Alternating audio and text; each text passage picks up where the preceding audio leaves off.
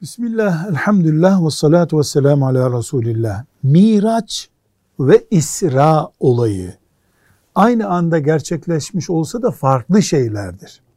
Miraç, Resulullah sallallahu aleyhi ve sellemin gökler ötesine yaptığı yolculuğun adıdır. İsra ise bir gece sallallahu aleyhi ve sellem Efendimizin Mekke'den Kudüs'e doğru bir binek üzerinde gitmesinin adıdır. İkisi de aynı zamanda hicretten bir sene kadar önce gerçekleşmiş ve Efendimizin bir defa hayatında vuku bulmuş bir mucizedir. Bu Resulullah sallallahu aleyhi ve sellemin Mekke'de gördüğü eziyetlere karşı Allahu Teala'nın ona bir tesellisiydi.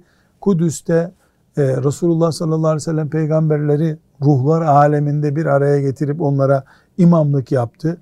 Resulullah sallallahu aleyhi ve sellem bu yolculuğunu İsra ve Miracı hem bedeniyle hem ruhuyla yani maddi ve manevi aynı anda yaptı. Nasıl, niye gibi ayrıntılar bu dünyada ulaşabileceğimiz cevaplar değil.